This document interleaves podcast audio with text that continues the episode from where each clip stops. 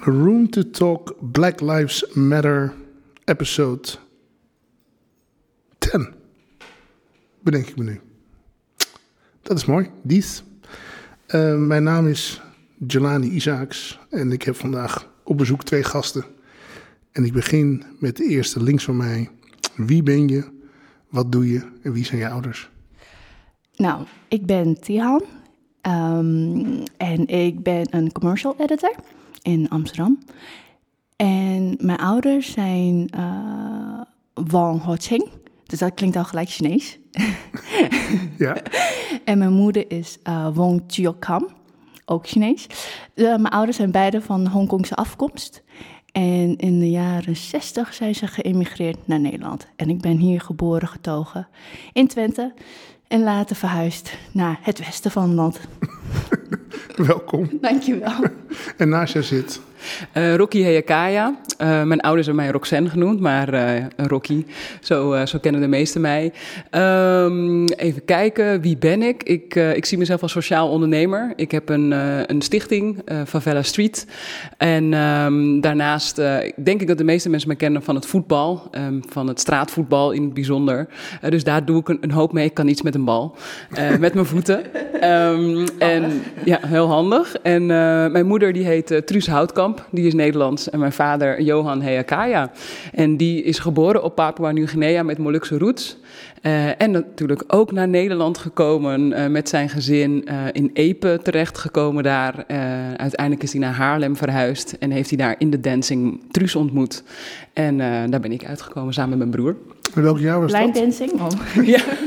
nou, wel, de, de, de dancing heet, ze hebben ze namelijk, uh, shit, ik ben de naam nu kwijt. Dit is jammer, want ze hebben het vaker over die dancing. In die tijd, Motown muziek en echt heel veel Molukse mannen kwamen daar. En dat vond mijn moeder helemaal geweldig, dus die ging daarheen. Uh, in welke tijd uh, bedoel je wat? Dat, ze hier, dat hij hier naartoe kwam? Um, ja, ik weet dat hij 12 was, dat hij hier naartoe kwam. En ja. dus ik weet even niet of dat nu welke jaren, dat zei jij heel mooi, maar jaren dat 60 waarschijnlijk. haal ik even niet. Denk ja, ik denk het wel. Nice. Ja. Jongens, twee maanden na de moord op George Floyd. Uh, wat, is, wat, is je, wat is je bijgebleven de afgelopen twee maanden? Wat is het, het uh, meest belangrijke wat je in je herinnering hebt nu daarvan? Op dit moment alle protesten. Maar niet alleen uit de zwarte gemeenschap, maar echt uit alle gemeenschappen. En um, vooral die verbinding met elkaar. En dat vind ik wel heel mooi. En dat is nu nog steeds aan de gang. Is, en was, is het veel meer dan voor 25 mei? Ja, ja. in mijn optiek wel. Daarvoor was het een beetje ondergronds. Ik denk, als je veel doet met racisme, dan ken je elkaar. Het is een kleine groep mensen, denk ik. Um, maar ik merk wel, door die protesten is er zo'n groot geluid opgekomen, waarbij andere minderheids, minderheden, uh, minderheidsgroepen in Nederland zich ook vrij voelen om zich meer uit te spreken. Ik merk dat heel erg in de Aziatische community. Ik weet niet of jij dat ook merkt. Maar dat um, jongeren en andere mensen die daarvoor nooit iets deden met racisme of discriminatie of iets dergelijks, dat ze zich daar ook zorgen over maken en ook echt erover uiten. En dat vind ik wel iets heel bijzonders. Ja, ja prachtig. Ja. En van jou, in jouw leven? Wat is er veranderd sinds? Ja, het, het, was voor mij. Ik ben voor het eerst naar zo'n protest gegaan. Dus ik was op de dam uh, ja. met al die andere mensen. Dus dat was. Niet ziek geworden? Iets niet ziek geworden. Nee, nee, nee. Dus dat. Uh, ik, ik heb zelfs nog een, twee dagen later zat ik ergens bij een televisieprogramma aan tafel. En uh, gelukkig hebben ze me niet helemaal gefileerd. Maar nee. ja, het, het, was wel spannend om daarna aan tafel te zitten. Omdat we, ik wist ook wel ja. hoe de rest van Nederland er natuurlijk over dacht. Dat ja, we daar stonden. Maar goed, we stonden daar niet voor ons plezier. Nee. Um, is even iets anders dan of je wel niet uh, een bakje pleur mag serveren. Ja, ja het, is, het is echt... Ja. Het is echt Mensenrechten. Uh, ja, en we hebben natuurlijk ook gezien uh, dat er ni verder niets is gebeurd op coronagebied. En wat natuurlijk wel ook heel prettig is. Um, en ja, wat, wat het... De, wat het bij mij ook heeft opgeroepen is eigenlijk dat um, ergens de urgentie nog veel groter werd. Mm. Maar dat het me ergens ook wel weer. Um, uh, je voelt ergens ook een bepaald soort druk ontstaan. Die goed is hoor. Maar um, ja, wat, wat, oh, wat moet ik nu doen? Moet ik nu iets zeggen? Ja. Moet ik nu iets posten? Terwijl eigenlijk in het werk wat ik doe. Uh, werk ik hier al heel lang uh, Ja. aan. Aan het institutioneel racisme, aan het, een ander beeld, een ander verhaal vanuit uh, bepaalde minderheidsgroepen, minderheidsgroepen zeg maar, laten zien. Uh, maar toch voelde ik ook van, oh ja, ik moet ook dit nu... Aan top blijven. Ja, ja, en duidelijker benoemen. En dat ben ik ook gaan doen. En ik merkte wel ook dat dat eigenlijk heel goed werkte. Dus dat je wel dicht bij jezelf blijft en dat je het benoemt. Uh, maar dat het dus ook voor mensen nog duidelijker wordt van... oh, oké, ja, dus je staat, je staat hier wel heel duidelijk voor. Ja. Um, en ik denk ook wel dat het goed is dat je uh, ja, duidelijker uitspreekt ja. in deze tijd. Ja. Maar, je, ja, maar je merkte ook wel veel mensen die gewoon echt niet wisten wat ze mee moesten. Ja. En dat ze echt gewoon rondrennen als kip zonder kop en maar wat posten. Ja. En, Zogeheten zwarte vlakken syndroom. Ja. Precies, mooi. mooi zwart vlakje, maar dan voor de rest niet weten of een, een hele suffe opmerking maken of iets. Dus je merkt inderdaad heel erg die urgentie en dan mensen, ah, ik moet hier iets mee. En... Ja. Want, want hoe deed jij het dan hier voor 25 mei? Uh, was het probleem er ook? Uh, was je er ook al mee bezig? Ja. Um, hoe deed je het toen? Nou, ik ben zelfs al heel erg actief in social media. Um, maar eigenlijk mijn hele leven lang op persoonlijk vlak heb ik hier altijd iets mee gedaan. Op het moment dat ik bewust werd dat ik de ander was. En eerst als je jong bent en je hè, tussen 3 en 12 jaar op de basisschool, dan weet je niet uh, dat je de ander bent, maar je voelt het.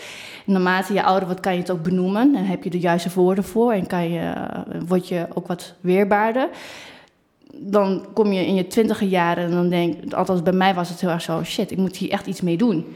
Want dit houdt mij tegen. Er, zijn, er is een, een onzichtbaar muur die me tegenhoudt. Hoe hard ik ook werk, ik kom niet daar. Wat is dat? En toen ben ik gaan exploren. En um, op een gegeven moment ging ik heel veel dingen over schrijven, inlezen, heel veel boeken gelezen erover. Maar, um, en later ook veel meer met mijn werk, ook zelfs als editor. Want um, ik kijk heel veel tv, dat is toch wel mijn werk. Yeah. En films en tv-series. Maar ik, ik werk echt in de reclame. En ik merkte, de reclame-industrie is zo ontzettend wit. Alle commercials die ik zag op tv was alleen maar wit, wit, wit, wit. En ik herkende mezelf helemaal niet in. En ook niet in de tv-series. Ik heb nooit een binding gehad met goede tijden, slechte tijden bijvoorbeeld. Of andere Nederlandse populaire cultuur. Want ik zag mezelf niet. Wie zijn die mensen? Zij representeren mij niet. Dus op een vrij jonge leeftijd was ik daar al heel bewust mee bezig. En ik wist toen al, oké, ik wil de reclame-industrie in, want ik wil iets veranderen. Dus toen ben ik eigenlijk het vak ingerold. Um, en ik wist dat ik iets met beeld wilde doen. Dus editor, editing leek me een mooi vak. En um, op een gegeven moment ging ik stage lopen bij Van Walbeek, heette toen nog. En um, een van de weinige bureaus met in-house uh, audio-video facility. En toen merkte ik ook zo, wow, dit is echt een hele andere witte wereld. En de grapjes die er werden gemaakt op de werkvloer, wow. Ik, ja, dat was wel echt een eye-opening. dus ik dacht van, oké, of ik blijf hier en ik knok er doorheen, of ik ga iets anders doen. Maar ik vond mijn vak zo leuk en zo creatief. Dan, nee, verdorie, ik ga gewoon hier blijven en ik ga er gewoon wat van zeggen. Dus toen was ik een jaar of 25, 26. En zo is die rol veel meer gegroeid. En op een gegeven moment toen ik... Um, terugkwam uit Londen, want uh, ik en mijn man hebben een tijdje in Londen gewoond. Um, overgehaald door uh, John Oliveira, die jij wellicht kent. Die heeft ja. Reza, mijn man, overgehaald om toch terug te komen naar Nederland. Om iets te doen hier aan het, uh, aan het ja, mediaklimaat. Het giftige mediaklimaat. En toen heb ik er echt wat meer mijn werk van gemaakt. En um, voor de protesten een boek uitgebracht, een kinderboek uitgebracht. Het heet Waar is mijn noedelsoep? En het is een heel inclusief boek geworden. Um, met als doel dat jonge kinderen tussen de drie en zeven jaar zichzelf kunnen herkennen in dat boek. En dat heb ik heel erg gemist. Want mijn geschiedenisboeken, mijn leesboek waren allemaal met witte personages. Heel tof, maar ik had daar gewoon niks mee. Ik voelde me nog steeds als de ander. Terwijl je hier bent geboren, hier bent opgegroeid, hier de Nederlandse taal beheerst. En eigenlijk wat, dat dat ook mijn moedertaal is. Maar elke dag wordt er tegen maar jij bent anders, jij behoort hier niet. En um, dus met dat kinderboek hebben we heel veel dingen kunnen bereiken. En uh, ja, daarnaast op social media. Dus heel veel alles aankaarten. Blijf uitspreken. Herken je dat? Ja, nou, ik, ik, was, ik, was, ik was ook benieuwd naar uh, wat, wat je in eerste instantie te horen mm. kreeg toen je wat ging zeggen binnen in die witte reclamewereld. Ik kan me voorstellen dat ze denken, jeetje, vervelende vrouw. Ja. Dat je de hele tijd daar wat van moet zeggen, zeg maar. Dus, maar dan kom ik zo terug op... Uh, ja, ja, nee, maar dat is, dat is het dus precies. Want twee dingen. Of je zegt het uit en je riskeert je baan. Want dat is, of, hè, of ik riskeer dus nu mijn opdrachten, mijn freelance opdrachten, want ik werk nu freelance. Dus dat houdt, dat houdt je altijd bezig. Wie heb ik tegenover mij? Wie is die persoon? Hoe woke hè, tussen aanhalingstekens, is die persoon en wat kan ik zeggen? Dus ik ben de hele tijd aan de schipperen, aan balanceren tegen de mensen over mij. En ik weet dat sommige mensen en heel veel activisten, die zeggen ook tegen mij, ja, maar waarom doe je dat, die hand? Dat moet je niet meer doen. Het is niet jouw probleem. Nee, klopt, het is niet mijn probleem. Maar om samen een oplossing te vinden en verbinding te zoeken, moet je toch wel even nadenken aan die ander en ja, en in hoeverre wil je dat die persoon dat gaat begrijpen? Ja, en goed nadenkt over hoe je dat formuleert, hoe je het overbrengt. Nou, zeker. En dat herken ik vooral ook heel erg. Dat, ik ben ook freelancer. Uh, Ik geef vooral veel presentaties, lezingen, dat soort dingen.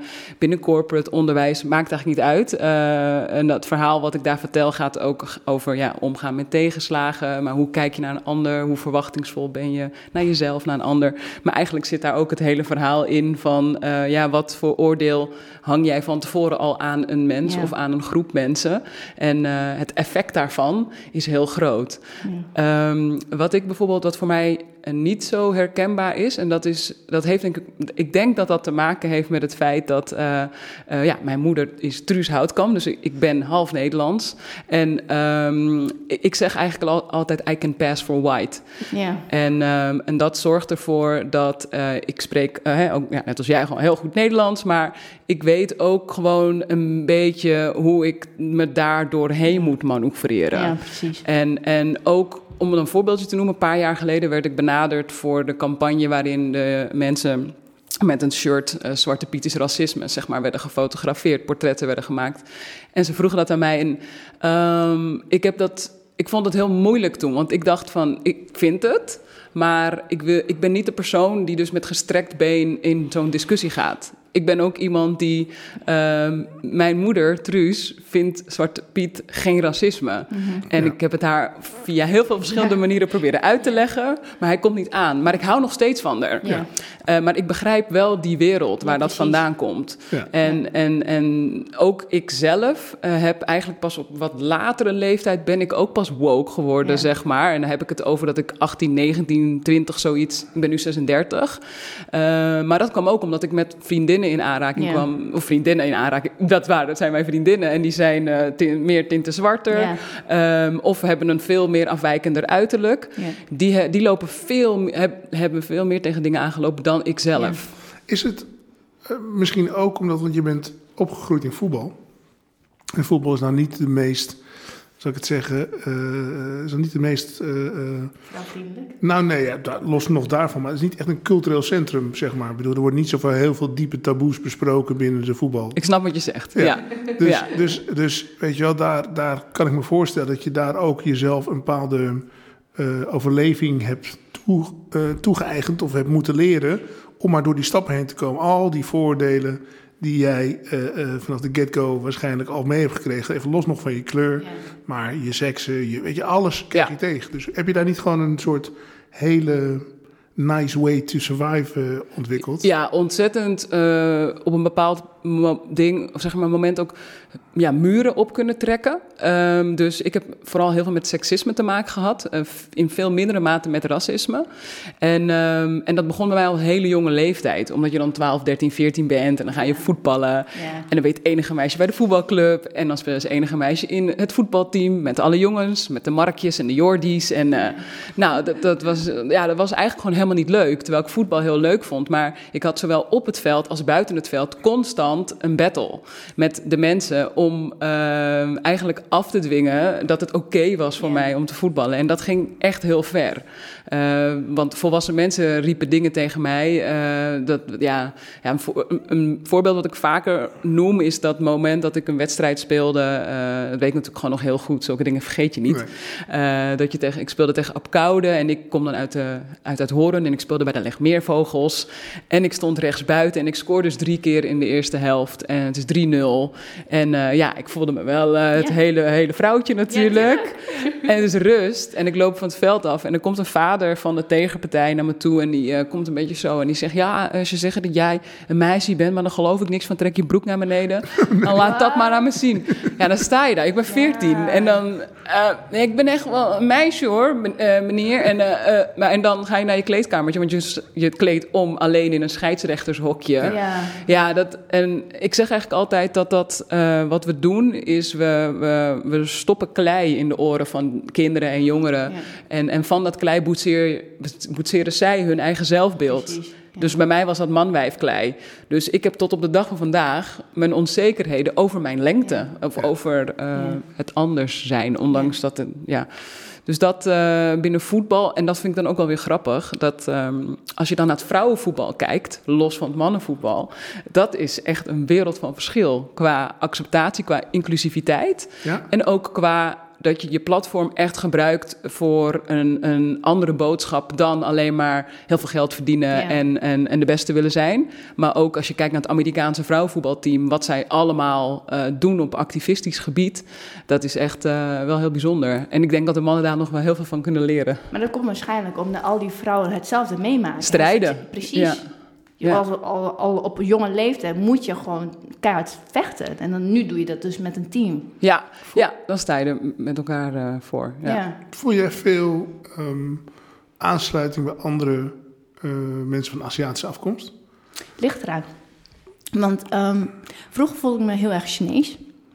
En op een gegeven moment is, was er een periode, vooral op de midden, eind basisschool, middelbare school, wilde ik niet Chinees zijn. Wilde ik gewoon wit zijn, Nederlands zijn. En ik, kocht, ik ging heel ver. Ik kocht de blauwe lenzen, blondeerde mijn haar, maakte krullen. En dat hoor ik, ja. Dat deed je omdat je de pijn, niet, de pijn niet wilde? Mm, dat deed ik eigenlijk omdat ik mijn eigen afkomst verlogende. Oh, en letterlijk Nederlands, Hollands wilde zijn. Ik wilde echt wit zijn. En dit hoor ik heel veel om me heen. Nu nog steeds zijn er heel veel Aziatische jongeren. En, en wellicht ook uh, Marokkaanse, Turkse andere jongeren. Die zich dus zo voelen. Ja. Um, dus dat ging heel erg ver. En um, wat was je vraag? Ik weet Ja. ik vind Heb ik ook wel eens. Ja, dan ben je lekker aan het praten. Of Ja. of je veel aansluiting voelt Oh, ja. in je activisme met andere mensen van Aziatische afkomst? Ja, oh ja, dat was het. Um, dus toen voelde ik me heel erg Chinees. Uh, en toen wilde ik heel erg Nederlands zijn. En op een gegeven moment um, leerde ik andere Aziaten kennen. Andere Chinezen, maar ook mijn man, um, Indo's, Molukkers. En ik merkte, hé, hey, we hebben allebei hetzelfde probleem. Dus toen voelde ik me eigenlijk bij hun heel Aziatisch. Ook met Filipijnse mensen, van, uh, allemaal Nederlandse mensen, maar van die afkomsten. Ja. En toen voelde ik echt die verbinding. Ja. Maar in deze Aziatische melting pot um, zijn er ook nog steeds heel veel andere geluiden. Er zijn heel veel mensen die gewoon super Chinees voelen en totaal het probleem niet herkennen. Nee. En echt geloven bijvoorbeeld in die model minority, uh, modelminderheid Ja. theorie. Um, wat ik persoonlijk heel schadelijk vind. Maar met die mensen kan ik dus niet zo connecten. Maar um, zelfs in mijn eigen familie, want je had het net bijvoorbeeld over je moeder Truus. Maar uh, mijn zussen bijvoorbeeld, die begrijpen helemaal niet waar ik mee bezig ben. Nee. Want zij zien het niet. Nee. En ook pas op een heel latere leeftijd, dacht twee jaar geleden, dacht, vonden ze ook, oh ja, nee, weet je wat, Tian, je hebt gelijk, Zwarte Piet kan inderdaad niet. Ja. Vorige maand, nee, vorige week kwam ik net terug van een vakantie uh, met mijn zussen en mijn ouders. Heel veel discussies op gehad. En pas toen begonnen ze zich te realiseren: oh, oké, okay, al die protesten, dat betekent toch wel wat. Mm. Er is, dus ja, er zijn ook dat soort um, Aziaten waar ik dus gewoon geen verbinding uh, mee heb. En uh, ik hou me van mijn zussen. Ja. Maar, Dat heb ik, ja, dat heb ik ook. Maar ik denk ook dat um, het, het, vormen van een beeld. Hè, we, zijn, we groeien allemaal op met stereotypes, met oordelen en vooroordelen. En, en dat, zo werken onze hersenen natuurlijk ook. Want dat is makkelijk. Kun je jou een hoopje ja. stoppen. Als ik constant dat moet doen, ja, dat, dat, dat werkt ook niet. Um, maar dat. dat omvormen van dat beeld, dus echt de, daadwerkelijk zo'n cultuurverandering doormaken, ja, dat kost heel veel tijd. En ook nog dat je dat dus moet willen. En het is nog veel makkelijker om iets aan te leren dan iets af te leren. Dus dat zijn allemaal van die dingen wat meespeelt bij, de, bij deze hele uh, ja, om, omslag, zeg maar. Maar beide hebben jullie ervoor gekozen om iets tastbaars te doen met je talent. Om het, je hebt een boek uh, geschreven. Jij hebt jezelf eigenlijk ingezet. Zowel qua verhaal, maar ook qua persoon en voor, uh, rolmodel. Uh, hoe, waarom? Waarom heb je dat, die route gekozen? Ehm, in plaats van, wat ik veel, CEO te worden van, van Microsoft. Ja, ik denk dat um, sowieso van huis uit veel heb meegekregen. Om altijd oog te hebben voor een ander, zorg te hebben voor een ander. En um, dus dat. Als vroeger op schoolplein iemand werd gepest, dan was ik wel degene die de voorsprong. Ja. Zo'n type ben ik altijd geweest, slecht tegen onrecht kan. Ja, ja.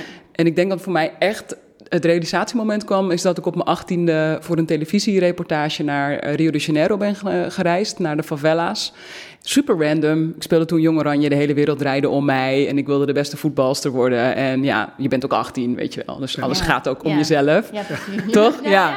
En, uh, en dan kom je in de favela's terecht, in de sloppenwijken van Rio. En uh, daar werden wij gekoppeld aan meiden van dezelfde leeftijd... die ook een passie voor voetbal hadden. Nou, het was gewoon zo'n soort exchange-programma. En ik heb een week in die favela gezeten. En, en daar leer ik eigenlijk echt pas wat de kracht van voetbal of van sport is. Ja.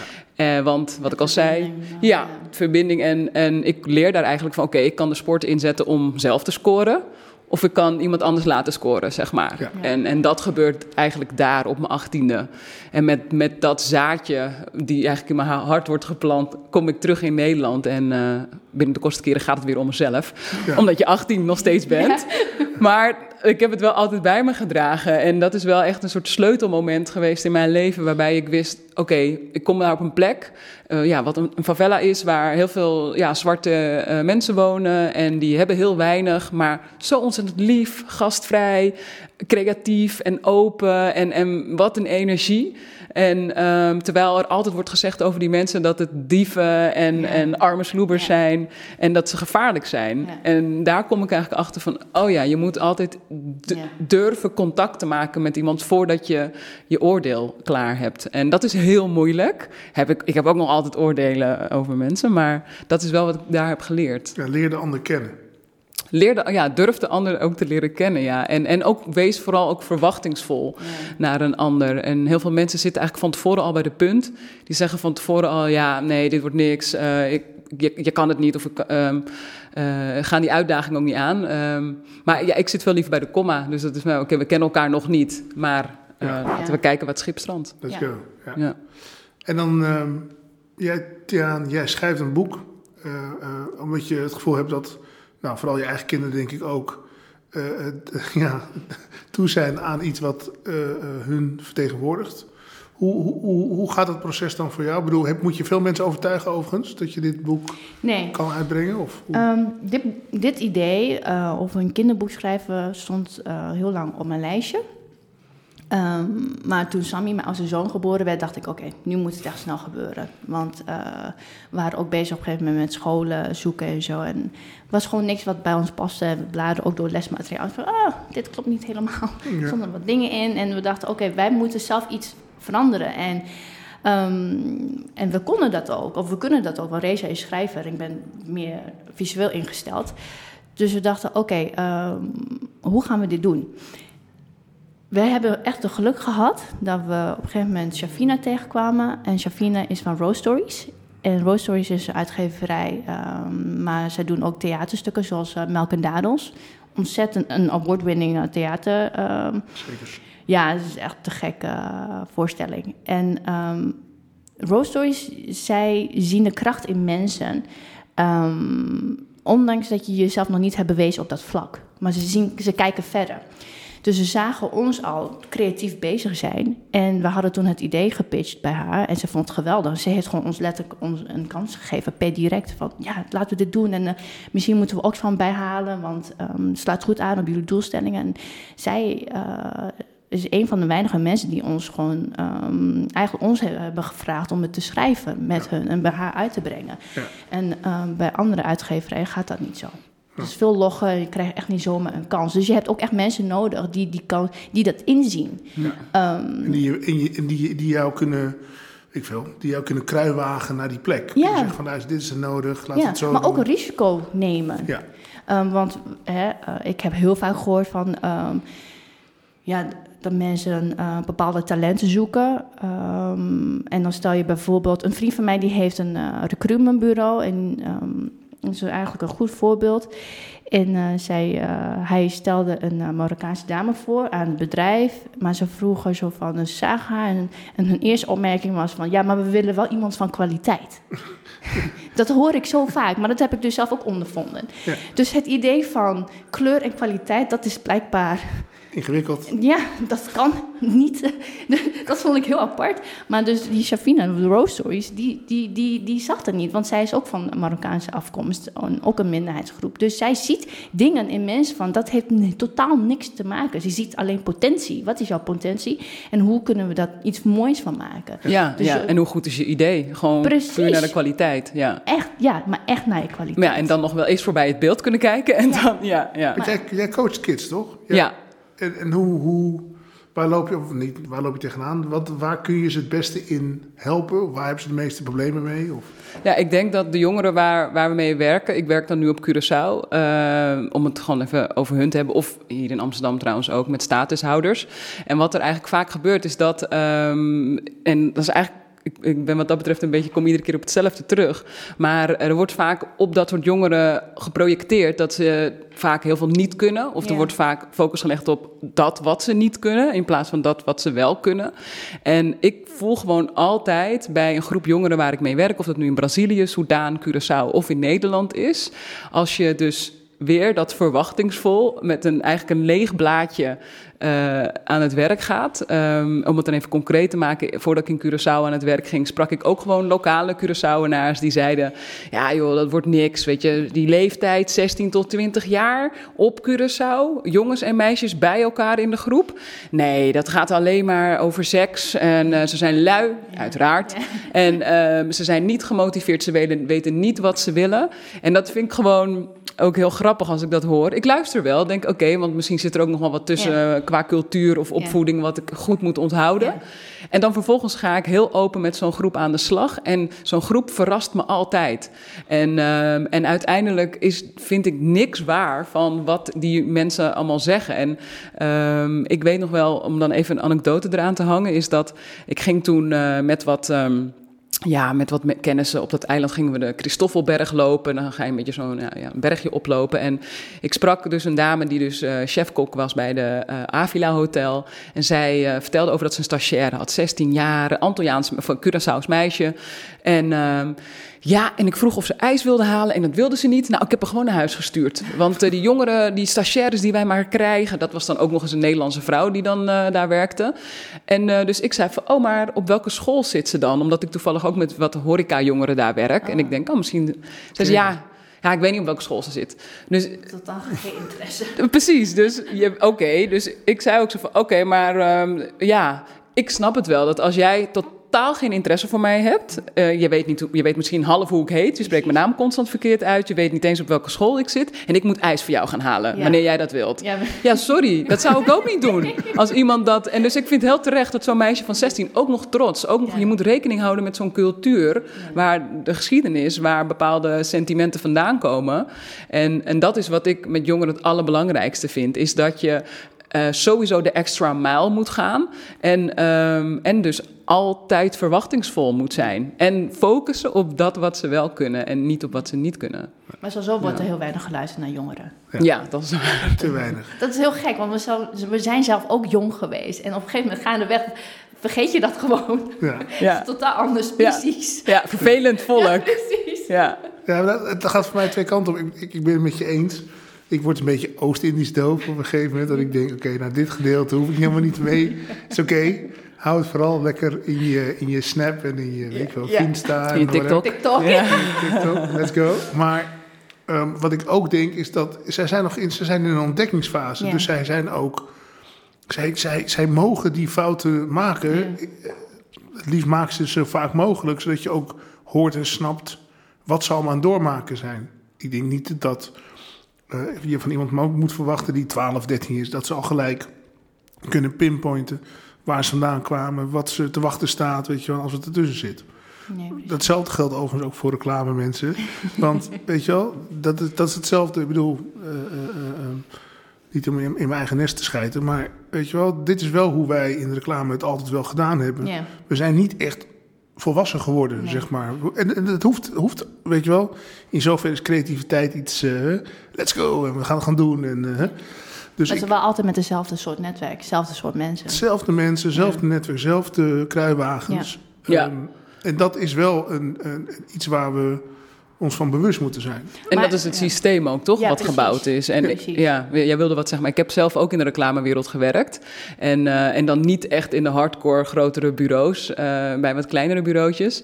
Maar ja, daar, zelfs bij die kleinere bureautjes, wat dan Youngworks en Oh ja. Combat voorheen was. Ja. Ehm, ja, hele witte organisaties. En ook ehm, ik, in mijn exitgesprek bij Youngworks heb ik dat ook gezegd. Ik werk overigens nog steeds samen met Youngworks. Maar ook zij vinden het nog steeds heel moeilijk om dan dus... Ja, maar, eh, ja, maar hoe doen we dat dan? Ja, dus het is... Maar sorry, de jij wilde wat... eh, ja. Nee, maar het is echt precies dat. Maar in- wat ik wel dus merk, is dat er echt een verschil is tussen de 180's, de Widens, de 72 en de Indie, de NS5 en dat soort bureaus. Er is echt een verschil in Amsterdam tussen die twee bureaus. Althans, tussen dat soort twee eh bureausoorten. Ja, het internationale en het, het Hollandse. Ja, en, en hoe, vooral hoe ze kijken naar het Ja. probleem en hoe ze ermee omgaan. Ja, maar het beg- ja, begint eigenlijk al bij de sollicitatie. ja. Want ik kan, ik kan uit eigen ervaring zeggen dat ik heel weinig van mijn e-mails beantwoord krijg door Nederlands bureaus, door Hollands bureaus. Maar ik krijg altijd een antwoord van een internationaal bureau. En waarom is dat? Dat is wat is de reden, denk je? Nou, mijn reden, ehm, en dit heb ik al heel lang. Ehm, mijn analyse hierop is. Kijk, ik heb natuurlijk een aparte naam. Tihan, en je schrijft het niet eens als T-I-E, nee. Doe er nog een schepje erbovenop. Het is C-H-E, streepje, en dan, het is heel ingewikkeld. Dus dat is al een, een, een puntje. En dat heb ik vroeger ook meegekregen, want ehm, ik heb ook heel vaak te ho- horen gehad... ja, maar hoe spreek je je naam nou uit? Ja, maar waar ben jij dan? En ik, ooit heb ik zelfs iemand gekregen aan de lijn van...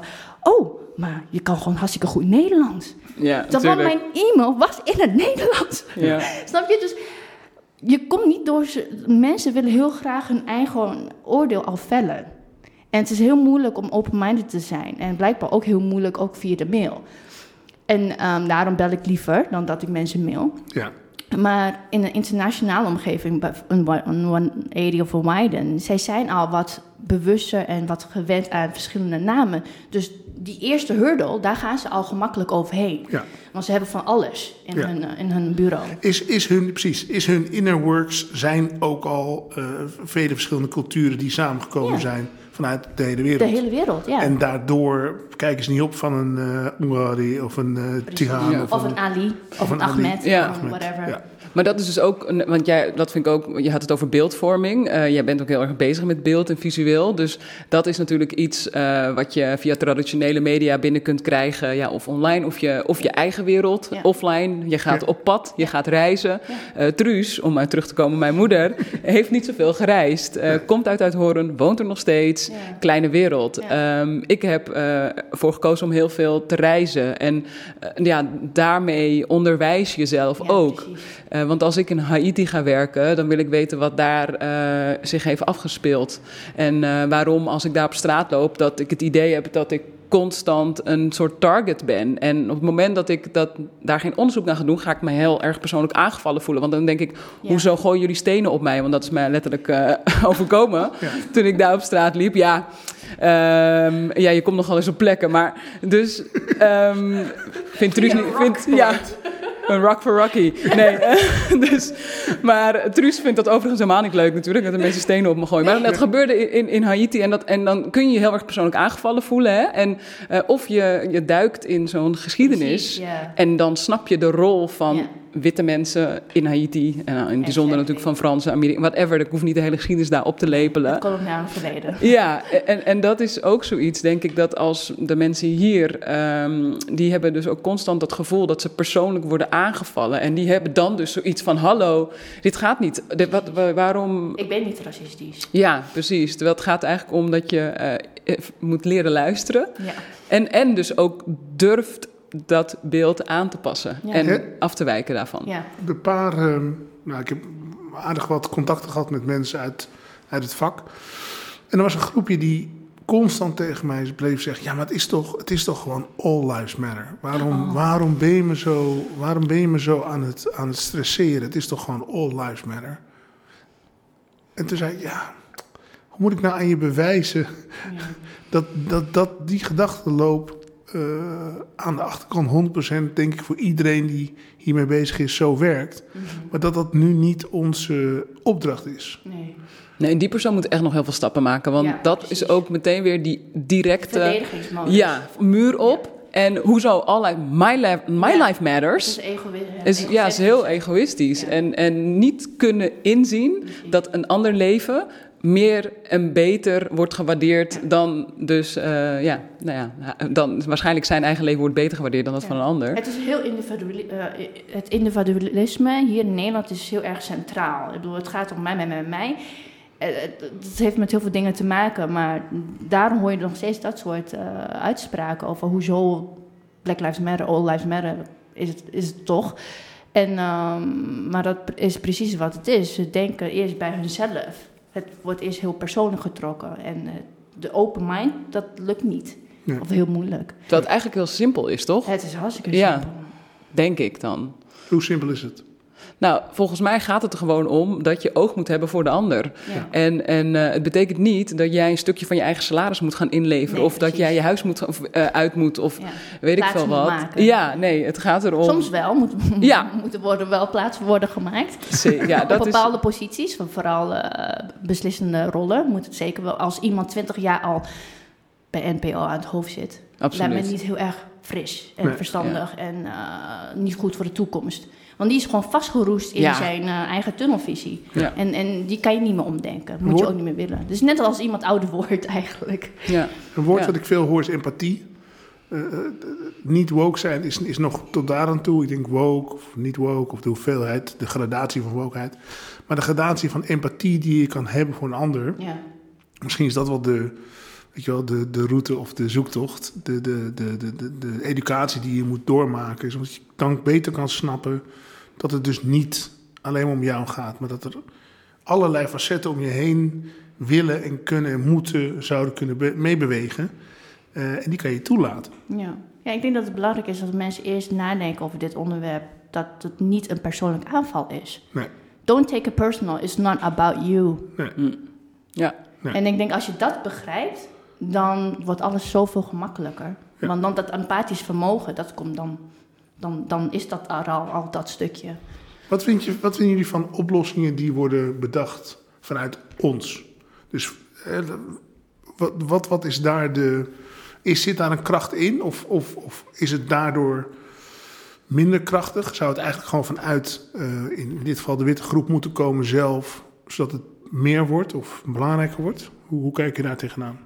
Nou, ik denk bijvoorbeeld, hè, wat jij aan het maken bent, een podcast. Dit is zo belangrijk, want er zijn denk ik genoeg mensen ehm, die gewoon geen interesse hebben in dit onderwerp. Door hun privilege, die ze natuurlijk al krijgen te- ehm, wanneer ze geboren zijn. En ze hebben daar ook geen benul van. Weet je, not blaming them. Maar omdat ze jou kennen via werk, gaan ze toch naar luisteren. Ja. Dus ik denk dat alle mogelijke uitingen om tegen racisme te zijn, dat dat helpt. Hoe groot of hoe klein het is. Het hoeft niet altijd heel groot te zijn met protesten. Maar dit is zo waardevol. En ehm, vooral voor de reclame-industrie, omdat, omdat hier echt heel veel in moet veranderen. We hebben gewoon 15 jaar. Er is wel verandering, maar het gaat gewoon zo tergend langzaam. Ja, Dat, eh, dat wordt heel frustrerend voor heel veel eh, gekleurde mensen, mensen van kleur. Ja. Ja. Ja. en het komt nu gewoon in een stroomversnelling. Precies. Waardoor mensen zoiets hebben van... oké, ja, het Ja. duurt lang, maar Ja, nee, ik heb geen tijd meer. Nee. Ja, dit moest gisteren al gebeurd Ja. zijn. Ja. En ehm, ja, nee, ik, ik, ik denk dat... ehm, Zijn er grotere vlaggen nodig? Eh, Rocky bijvoorbeeld, hè? Het, is, het is Pride nu. Er is overduidelijk, de Rainbow Flag heeft nog nooit zo eh, ehm, groots en, en aanwezig kunnen wapperen. Ehm, eh, maar hier, het is ook een hele lange weg eh, eh, al, al aan vooraf gegaan. ja, Hebben we zoiets nodig? Hebben we nog meer een, ehm, een manifestatie nodig? Een, een, ik bedoel, Pride is, is voor degene die het letterlijk in eigen leefd heeft, ja, is, is een, een, een ja, bewustzijnsperiode die we met z'n allen delen in heel veel steden in de wereld tegelijkertijd. Ja, nou, ik denk dat dat um, ook weer terugkomt eigenlijk waar we het hiervoor over hadden, is dat je dus kunt kijken naar, uh, moeten we allerlei manifestaties ja. uh, organiseren, moeten we beleid gaan aanpassen, uh, moeten we een podcast maken wat je vanuit de, echt vanuit grassroots kunt opzetten. Ik ben iemand die heel erg van grassroots is, ja. dus from the ground up, gewoon ja. met je poten in de klei en aan de slag. Um, maar ook heel fijn als er zulke grote manifestaties zijn, of vanuit politiek, vanuit journalistiek, vanuit de reclamewereld, beeldvorming, overal. Uiteindelijk komen we elkaar hopelijk, we meet in the middle. Yeah. En uh, doet iedereen daar wat aan. En ik denk even gewoon echt puur op pride en op queerness en, en being gay in, in Amsterdam. Uh, ik ben lesbisch, uh, mijn hele leven al. Ja. En um, dat... dat shit. shit. Ja, het is niet, ik heb het niet aangeleerd. Nee, het is niet iets wat uit de lucht is komen vallen. Ja. Nee, weet je, dat je struikelt. Oh shit. Ja, ik heb lesbisch, ik heb lesbisch te pakken. Ja, nee, dus dat, uh, dat niet. Maar het is wel echt, je ziet echt een, een verschil. En je ziet een verandering in Amsterdam plaatsvinden. Een negatieve verandering. Want um, voorheen dat ik net uh, uit de kast kwam, um, 18, 19 jaar, waren er plekken. Er was een heel duidelijk een community aanwezig. Er is natuurlijk nu nog steeds een community in Amsterdam, maar die, um, uh, als je kijkt naar hoe, als ik over straat loop, dan ga ik niet mijn vriendin zomaar een kus geven of haar hand vasthouden. Dat doe ik op Pride wel. Je bent ja. bewust van. Ik ben altijd, net als dat je, ja, je bent altijd aan ja. op bepaalde stukken. En, ja, en dat ben ik gewend. Ja. En dus stoort het me dus ook niet. Uh, omdat ik dus een soort overlevingsmechanisme daar ook in heb gebouwd. Gewoon als iemand mij uitscheldt voor vieze pot, dan, um, dan, dan, dan, uh, ja, dan komt die aan, dan word ja. ik wel boos. Ja. Maar ik probeer ook gewoon te denken van ja, dat gaat niet over mij, het gaat echt over jou. Ja. Um, en dat is wel lastig, uh, als je daar bijvoorbeeld heel veel mee te maken hebt. Maar ik denk dat het wel goed is dat, dat er nu inderdaad nog meer aandacht is voor Pride. En mensen die roepen van ja, hallo, we moeten dan toch ook een hetero-dag hebben of zo, want die heb je dus ook. Dan denk ik ja, nee. Dan begrijp je het niet. Nee, en het is echt nog steeds zo ontzettend belangrijk. En ik was gisteren ook bij de Black Pride, uh, bij het Black Pride protest. En, uh, want daar zit natuurlijk nog weer een laag in. Ja. We hebben het over Black Lives Matters. Ja, precies. Kun je, dat, kun je die laag nog eens aanraken, zodat mensen niet vergeten? Ja, meer vanuit echt. Um, ik ben overigens ge geen expert op, op dat gebied, maar ik ben natuurlijk wel een expert van mijn eigen leven. Ja. En um, ik bedoel, ik heb binnen uh, het voetbal te maken gehad met het vrouw zijn. Uh, wat dan natuurlijk een, uh, een ding is. Niet geaccepteerd wordt dat je voetbalt. daarna kom ik erachter dat ik lesbisch ben. dat is natuurlijk ook al in je identiteit en in hoe je je manoeuvreert in de maatschappij. Oh, ik heb een vriend. Ik heb zeker nog wel tot mijn twintigste wel een vriend gehad zeg maar. Niet, ik had helemaal geen vriend. Dus nee. weet je wel, ja, in een interview of een gesprek heel ongemakkelijk werd ik ook. En dan vervolgens uh, heb je dus ook een kleur. Want uh, ja, ik ben natuurlijk ook wel vaak genoeg voor vieze negerin uitgemaakt. Wat, waar ik ook helemaal niks van, uh, van snapte. Nee. maar ja, dat, die verschillende lagen waar je mee geconfronteerd wordt... en waarmee je rekening moet houden in in, in je leven, gewoon in hoe je beweegt. Ja, dat is, uh, uh, dat is de intersectionaliteit waar ik mee te maken heb. Ja. Maar waar ik ook eigenlijk pas vrij laat achter kwam dat dat dus ook dat woord, dat dat, mm. dat, zo, dat, dat zo wordt genoemd. Ja. Um, maar, dat is een vrij academisch woord natuurlijk ook.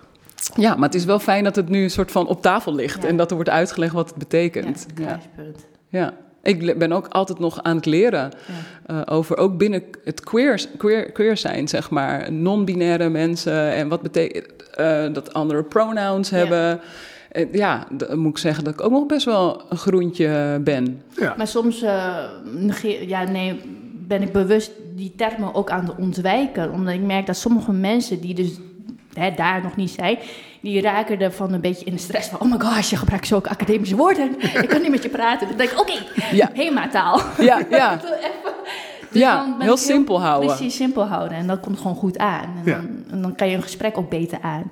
Want je wil niet je, ook al weet je het wel beter, je wil niet overkomen als de bedweter. Nee, want niemand vindt een bedweter Precies. ja. Dus het, ja, gunfactor. ja. Um, je raakte aan het, aan het, begin van dit gesprek al iets aan wat ik, wat ik, me, zo, wat ik me afvroeg. Uh, um, mijn oudste beste vriend um, is ook Aziat, van Aziatische afkomst. Hij en ik hebben, denk ik, nou, uh, eh, 60% van onze jeugd samen doorgebracht. Op allerlei plekken, op allerlei... Uh, ja, zou ik zeggen, allerlei groeperingen waar we in mochten. Uh, uh, waar we toegelaten werden. Ehm, is er in de afgelopen, ehm, weet ik veel, tien jaar dat jij bewustzijn uit, is er, zijn, er meer, zijn er groepen opgestaan die zichzelf daarvoor um, groot hebben gemaakt? Zijn er Aziatische groepen opgestaan waar jij je aan hebt verbonden, waar je dacht van die zijn gewoon bezig met transformatie om een verandering toe te passen? Jazeker. Niet in de afgelopen tien jaar. Heel recent, oh. de afgelopen vijf maanden. Oh, wat? En um, Asian Raisins. En um, ja, dit is wel echt een prachtverhaal. Het is opgezet door een student um, in Herenveen. Ze is Chinees. Ze heeft ook natuurlijk haar hele leven te maken gehad met discriminatie, racisme, et cetera. Um, ja, het is niet makkelijk om in Friesland te wonen, denk ik dan, nee. uh, als iemand van kleur. Maar um, zij heeft vijf maanden geleden, volgens mij vijf of zes maanden geleden, heeft ze een platform opgezet uh, via Facebook en nu ook online, uh, waarbij zij dus, um, het is een platform voor alle Asians in Nederland, Aziatische Nederlanders. En het is booming. Ja. Het is meer, binnen twee maanden was het meer dan 4000 leden. Ja. Dat zegt wat over deze groep. Ja. Maar de, dit is alleen maar afgelopen half jaar. Daarvoor, tien jaar geleden, heeft mijn man ook zoiets opgezet.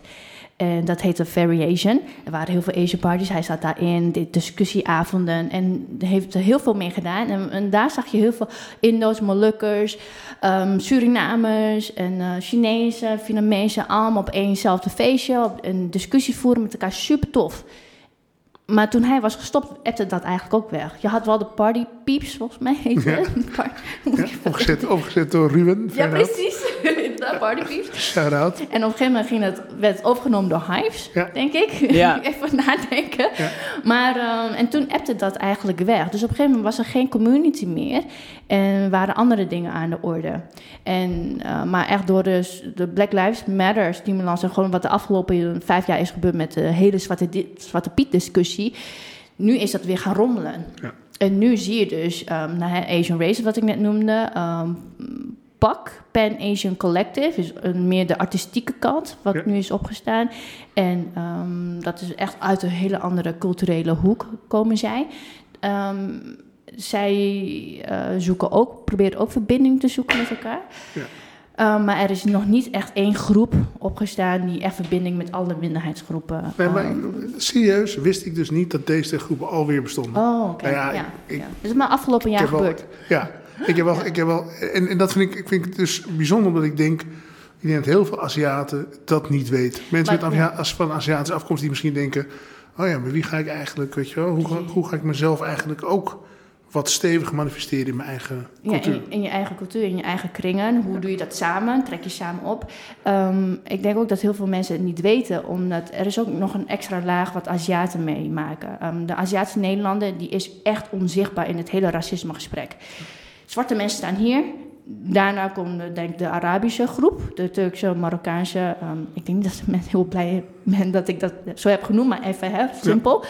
Daaronder pas komen de Aziaten. En alleen al onder de Aziaten worden gezien uh, als een modelminderheid. Hè? Maar van jullie horen we nooit iets, jullie schoppen geen herrie. Nee. Bla, bla, bla. Dus wij tellen op dat vlak ook helemaal niet mee. Hoe vaak ik heb geroepen over uh, discriminatie naar Aziaten, wordt altijd weggewuifd. Ook in de media. Er is nooit media-aandacht voor wat er is gebeurd. Ja, alleen sinds corona. Ja. ja. er zijn letterlijk drie nieuwsitems. Maar uh, anti-Aziatisch racisme gaat ver daarvoor al, al de afgelopen jaren. Sinds de eerste migranten. En dat is in 1910. Ja. ja. Dus daar zit dan nog een extra laag waarom je dus uh, zo weinig hoort. Maar dat betekent niet dat er niet uh, geroerd wordt. Nee. Er is veel, veel gaande. En voor de toekomst, Rocky, heb jij ideeën, initiatieven die je gaat uitrollen, waar je mee bezig gaat houden, of waar je je niet mee bezig houdt, die um, voor jou de volgende, weet ik veel, zes tot twaalf maanden je tijd gaan opnemen? Ja, ja, ik denk dat uh, ik blijf, nou, vooral ook in het begin natuurlijk even gehad over, ja, uh, vocaal erover zijn. Je doet inderdaad een post op Instagram, uh, je doet wat interviews erover, een fotoshoot, dat soort dingen. Maar vervolgens ben ik nu weer gewoon op de, op de treinrails waar ik al zat. En dat is gewoon doorgaan met, ja. met Favela Street, met de projecten doen. Ik heb wel nu meer de urgentie om meer projecten in Nederland op te starten. Ja. Omdat, ja, heel tof, Soudaan, Curaçao. En dat vind ik persoonlijk ook heel leuk. Dat is ook de reden waarom ik dat doe, omdat omdat ik heel graag de wereld beter wil leren kennen. Ehm, maar ehm, ja, in samenwerking met Patta ben ik dan aan het kijken hoe we hun summer school, zeg maar, echt nog meer de diepte in kunnen laten gaan. omdat ik dus een methodiek heb ontwikkeld waar een best wel innovatief meetinstrument aan hangt. Of best wel een innovatief meetinstrument aan hangt. Ja, vertel, vertel. ja, waarbij we heel ja, kwalitatief kunnen meten um, de persoonlijke groei van jongeren. Dus wij kunnen meten wat het programma doet met zelfvertrouwen, met positieve mindset, uh, met het gevoel van ja, leiderschappen ervaren, uh, doelen stellen, zelfreflectie. Dat is allemaal heel abstract. Het heeft Laura Jonker ontwikkeld. Zij is gespecialiseerd op zelfregulatie. Want wat het programma, wat Favela Street eigenlijk waar we voor staan, is wij zeggen we creëren een nieuwe generatie rolmodellen en zij maken een positief verschil in hun gemeenschap, in hun community. Um, en daarmee proberen we eigenlijk weer vanuit, uh, ja, vanuit de, de klei in de modder, met de poot in de modder zeg maar, met de jongeren op straat aan de slag te gaan.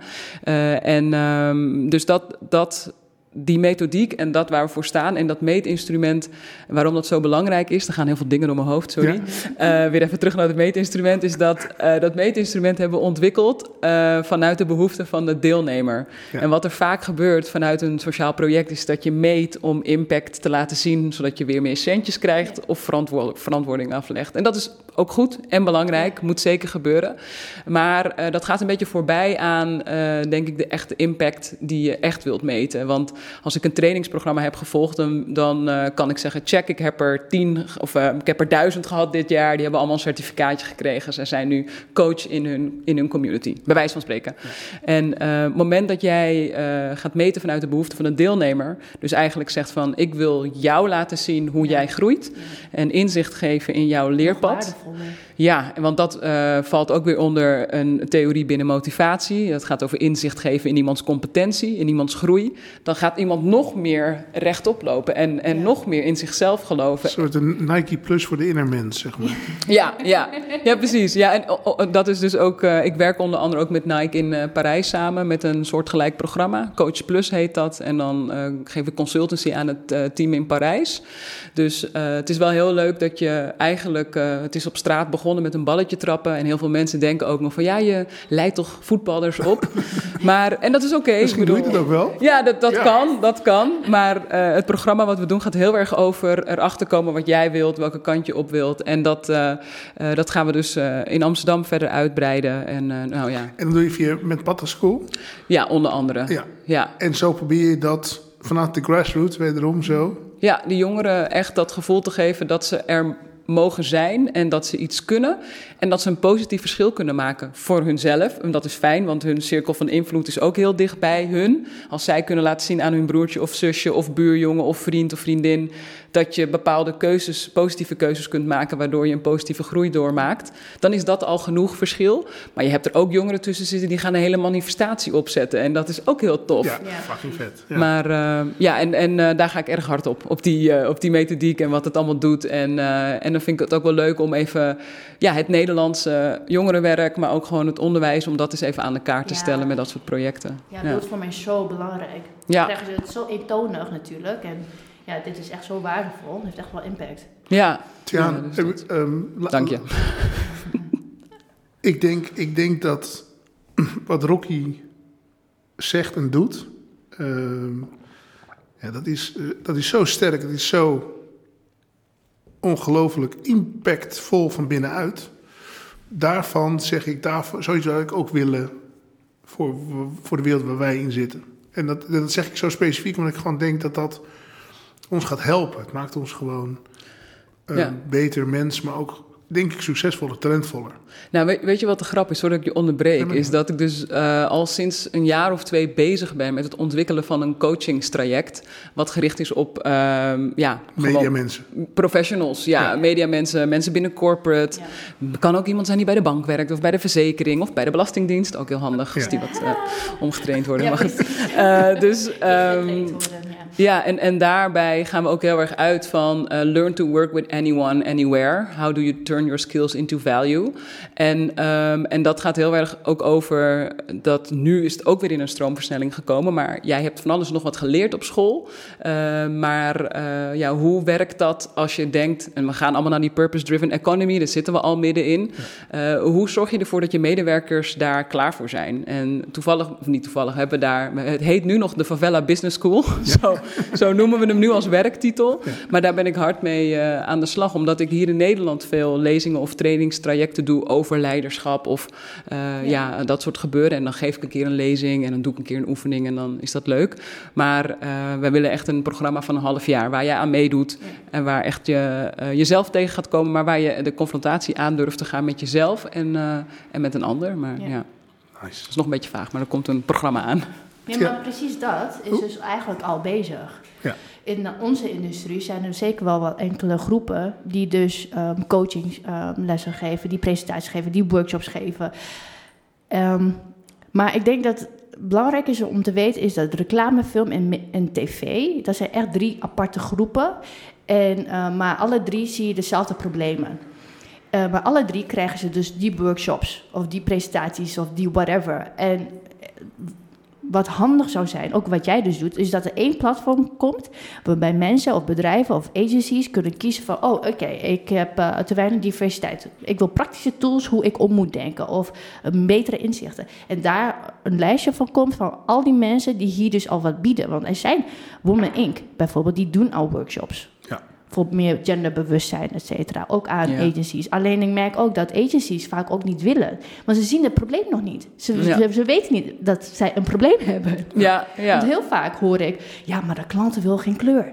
Ja, ja maar en ja, dan, dan moet je dus die klant iets... Uh, jij moet die klant opvoeden. Precies, ja. en jij moet dan de tools hebben of de skills hebben. Oké, okay, wat moet ik zeggen zodat de klant wel begrijpt... waarom representatie in de media zo belangrijk is... En um, dus heel vaak wordt gelegd aan de klant, aan de klant. Ja, tuurlijk, de klant die heeft ook training nodig. Een HEMA, een whatever, een Albert Heijn. Ja, tuurlijk hebben ze ook mee, uh, trainingen nodig in diversiteit en inclusie. Maar net zo goed als uh, in onze business. Dus ik denk dat... Dus wat jij dit doet, deze podcastserie... Uh, je hebt verschillende mensen, verschillende agencies uitgenodigd en getagd. Wat ik echt super cool vind. Maar daar begint het. Want heel vaak beseffen ze niet van... oké, okay, maar hoezo moet ik hier iets mee? Alleen al dat je ze tagt of dat je ze noemt, betekent al van hé, hey, je hebt daar, er zit iets in jouw organisatie wat niet helemaal oké okay is. Denk daar eens over na. Ja. Maar kijk, voor mensen zoals wij die er al zo lang mee bezig zijn, hè, tijd tikt door. Ja. En het moet nu snel gaan. Je moet nu even wat sneller begrijpen. Kijk, wij hebben er tien jaar lang alles kunnen analyseren en uh, zelfreflectie, et cetera. Heel veel van onze collega's die moeten dat even proppen in drie maanden. Ja. En, maar dan moet je dus echt eerst over je eigen pijn heen. Van oké, okay, shit, misschien heb ik gediscrimineerd, onbewust. Dat is oké. Okay. Nieuwe toekomst. Nieuwe ja, heb kansen. ik ook gedaan. Precies. Ja. Iedereen heeft ja. unconscious bias. Ik ja. ook. We zijn allemaal lerende. Ja. Dus, maar dat zou ik heel graag willen zien. Een lijst met al die uh, coaching sessies en dergelijke. Ja, en, en ook zie je het, die bureaus die we noemen, of zie dat ook echt niet als een aanval. Nee, het is ook precies. dus inderdaad echt niet zo van, je doet het fout en nu moet je in de hoek gaan staan en we zijn heel boos op je. Maar nee. ik denk dat het meer zoiets is van, hé, hey, oh wacht even, hoe kun je nog meer, nog mooier werk maken? Waar je nog meer mooie awards mee kunt uh, winnen. En uh, wat ook nog is, echt een verschil kan gaan maken. Want, uh, Sociaal verschil. Ja, ja, want het is heel veel window dressing. Ja. En dat is het ook de afgelopen jaren vanuit bijvoorbeeld een, een, een merk als Nike. Ik bedoel, daar werk ik gewoon al best wel ook een tijdje mee. Maar je ziet bij hun nu ook nog veel meer die van... oh, wacht even, maar we moeten, het moet ook echt. Ja. We gaan het nu echt doen. Het is niet alleen maar een hele mooie film. Nee. Uh, en maar um, vooral dat, probeer daar gewoon voor open te staan. En zie dan ook dat door het creëren van zo'n inclusievere wereld... Ja. Um, ja, ja, je misschien ook wel nog, wat meer, nog wel meer business en nog meer producten verkoopt. Ja, maar dat is het. Dat is, maar dat is ook altijd wat ik zeg in presentaties. Ik geef ook gastcolleges aan, uh, aan verschillende universiteiten. En... Um, maar als merken beseffen van meer diversiteit betekent automatisch meer geld, meer kaching. Ja, Elk merk wil ja. dat. Ja. Wie wil dat nou niet? Ja. Dus als je alleen daarop je klant moet overtuigen, gooi dat dan in de strijd. Ja. Ik, ja, dat is, voor mij is dat gewoon zo brainless. Dus van, dat, dat wil toch iedereen? Je wilt toch meer omzet? Nou, hier, voilà. Ja, let's go. Meer kleur, klaar. Weet je, dan heb je gewoon totaal ja, nieuwe doelgroepen. Ja. Zijn er ehm, onderwerpen die we in deze podcast nog niet hebben aangeraakt, die jullie wel nog zouden willen bespreken? Dingen die jullie bezig heeft gehouden, ehm, ja, waar we nu nog niet naar gefocust hebben. Zoveel. Die kersentaart. Die kersentaart. Nee, ik, ik, ik ja, het- er is echt wel veel struggles in, eh, eh, in deze reclamebusiness dan, hè? Want omdat ik hier zelf in werk. En het is ook wel heel pijnlijk om nog steeds te horen van. ehm, onlangs dat iemand ook heeft gezegd: ja, maar ik zie het niet zo. Of eh, racisme, ja, maar dat valt toch wel mee. En het is gewoon heel pijnlijk als je zelf er zo lang mee bezig bent en zo lang mee vecht, dat diegene het nog steeds niet begrijpt. En dus eigenlijk wil ik heel veel zeggen, Ja, maar ik kan op dit moment niks bedenken, omdat je... Ja, je bent op een gegeven moment ben je, ben je leeg. ja, Al je energie is ook gewoon even gewoon kwijt. Want je bent er zo intens mee bezig. Maar eh, eigenlijk voor de mensen die naar deze podcastserie luisteren... zou ik heel graag willen zeggen van... ehm, stap over die eerste hurdle heen. Stap over die naam heen. Whatever die naam betekent. Kijk echt naar de potentie van jouw talenten. Ja. Weet je? En eh, diversiteit is niet alleen een afvinklijst. Je, de werkomgeving moet ook vriendelijk zijn voor verschillende eh, gender, ehm, eh, kleur, et cetera. En het dat moet, is het het moet niet. veilig, het moet Het veilig zijn. veilig- Ja, precies. En mensen denken veilig. Oh ja, coronaproof. Nee. Nee. Ook coronaproof, Ja. maar vooral veilig. Veilig Ja. voor gedachten, veilig voor gevoelens, veilig voor meningen. Precies. En dat sommige grapjes gewoon echt niet kunnen. Poepchinees door de gang roepen, dat heb ik meegemaakt. Is niet grappig. Nee. Dus, Ja. ja, of het accent bij het bestellen van Precies. Chinees eten, dat soort dingen. Surinaams ja. eten. Of- Ja, ja, ja, Precies. Is niet grappig. nee. Voor jou, maar niet voor mij. Ja, en als je het zelf doet, nogmaals, ik doe het ook nog steeds wel eens. Dan, ze- en dan terwijl ik het doe, denk ik, oh, weet je wel. En, en, ehm, Maar ik, ik denk dat dat ook, want dat hoor ik ook bij een van de podcasts ehm, die ik heb gehoord, is dat. ehm, want, want de vraag is dan op een gegeven moment: oké, maar wanneer mag ik grappig zijn? Maar wanneer mag ik grapjes maken? Of wanneer kan de ik wel- foute grap De foute, precies, de foute grap. En ik denk, je kan een foute grap maken als je in een veilige eigen omgeving bent. ja, Ja. Eh, dan kan je het doen. Maar je kan het niet zo, als je een bepaalde verantwoordelijkheid hebt als CEO of als publiekspersoon. ja. Nee, sorry. Dat Nee. kan niet. Nee, precies. En, en dat vind ik dan ook, dus dat is ook weer een muur optrekken van, ja, maar wat kan er dan nog wel? Ja. Je kan tegenwoordig helemaal, en je kan, en dan denk, ik, ja, maar ook daar ga je weer voorbij aan waar het om gaat. Precies. Je mag nog ontzettend veel en het moet ook absoluut kunnen. Ik bedoel, ehm, zoiets als wat Johan Derksen Ja. zei, daar heb je het natuurlijk ook over. Eh, dat is gewoon, eh, dat is een druppel die een emmer die al lang aan het overlopen was, eh, nogmaals een soort waterval heeft gecreëerd, tsunami. Ehm, hij moet zich, kijk, de discussie gaat dan heel erg over die opmerking, maar het gaat er gewoon om dat dat soort mensen moeten nadenken over, de, eh, ja, over het platform wat ze hebben, over de gevolgen. rol. Ja, Hun rol in het leven. zij ja. normaliseren dat gedrag. Eh, het gedrag wat gewoon niet oké is. En dat, eh, en dat hij dan dus wordt geband, defunct racism. En dan zeggen mensen, ja, maar hij moet gewoon toch kunnen zeggen wat hij wil. Ja, nee, hij heeft al zoveel groepen mensen gekleineerd en pijn gedaan en klein gehouden. Dus nee, hij moet van de televisie en dat vind ik ook nog steeds. Dus, eh, ja, nee, en ik heb verder niet iets anders toe te voegen. Ook omdat ik denk dat ik vind het heel leuk. We zitten heel erg op één lijn. We zitten ook eh, voor de mensen die kan natuurlijk niet kijken, maar we zitten heel erg te knikken naar elkaar. En eh, ik, Ik denk dat eh, dat is altijd heel fijn om met gelijkgestemden te praten. En ehm, ja, ik denk ook dat, eh, dat, het, dat het soms ook lastig is als er dan dus iemand anders aan tafel komt die er dus helemaal niks van begrijpt. Maar dat is ook oké. Dus er is ook ruimte voor jou als jij die persoon Zeker. bent. Kom gewoon ook zitten. En, en het mag ook best even schuren. eh, maar uiteindelijk, en, en je mag ook je mening hebben. Maar laten we in ieder geval voor een mooiere, inclusievere wereld gaan staan met z'n allen. En dat, dat, dat, die invloed kun jij zelf hebben, heel klein. En, en ook eh, wat groter door een, een, een boek te schrijven. Ik vind het ook heel tof, kinderboeken. Denk ook altijd nog steeds aan van, oh ja, zou ik ook nog eens een keer willen doen. Maar, eh, en ook nog veel groter door eh, eh, hele manifestaties te organiseren. Maar het begint, eh, begint allemaal bij jezelf. Ja, maar dat is dus inderdaad ook wat ik inderdaad wil zeggen. Is dat ik denk dat heel veel reclamemensen zich niet bewust zijn van de macht die ze hebben. Mm. Iedereen in de reclamebusiness. Ja. Gewoon de hele beeldvorming van kinderen tot een ouderen. Ik bedoel, wij zijn de mensen die iets willen verkopen. Ja. Ik bedoel, dat zegt al genoeg over je power. Maar doe daar iets moois mee. Ja, de- de reden waarom we deze podcast begonnen is dat het doorbreken van taboes, erover praten. Vooral omdat wij als industrie best wel grote slagkracht hebben. In, maar in overtuiging, de manier waarop wij ons werk doen. De uh, uh, uh, manier waarop we ons merk over de bühne brengen. Al die media die wij inzetten, Precies. die moeten we ehm, proberen ehm, voor het goede ja. in te zetten. En, en, en dan is de discussie misschien wat minder vaak van ben ik wel of niet een racist. Um, um, la, laat me je uitleggen dat ik niet denk dat mijn collega's in de, in de reclame een, een, de wens hebben om racist te zijn. Integendeel. Maar ik denk wel dat er te weinig bewustzijn is over wat het is. En wat, een, eh, wat privilege is. Ja. En, en, en hoe je daarin gewoon ingeboren kan worden. En je totaal niet bewust kan zijn van uh, wat het ja, voor anderen in jouwzelfde omgeving teweeg brengt. Ja, en kijk ook om je heen. Hè? Want als jij dus alleen maar witte mensen om je heen ziet zitten, eh, dan, dan gaat er dus eigenlijk al iets verkeerd, denk ik. Want, want dat is, als jij op straat loopt, is dat ook niet het geval, zeg maar. En als je wat meer, uh, als je meer die representatie ook uh, in je werk wilt terugzien, dan moet je die mensen ook op de werkvloer hebben. Ja, precies. Maar ook, ik bedoel, dat, dat zie je de, bijvoorbeeld heel vaak bij talkshows. Dat ze continu dezelfde mensen uitnodigen. En dat komt heel vaak omdat redacteuren een, een, eh, in hun eigen kring is het heel wit. Ze hebben witte vrienden, dus het blijft allemaal daar. Allemaal dezelfde mensen. In onze industrie is het net zo. Probeer eens nieuwe vrienden te maken van andere kleur. Dat helpt ook. Ja, ja. Dus- nice. Jongens, dank je zeer. Dit was echt very, very nice. Ik ben super trots op jullie alle twee. Jullie zijn echt het verschil aan het maken. Keep up the good work. Thanks.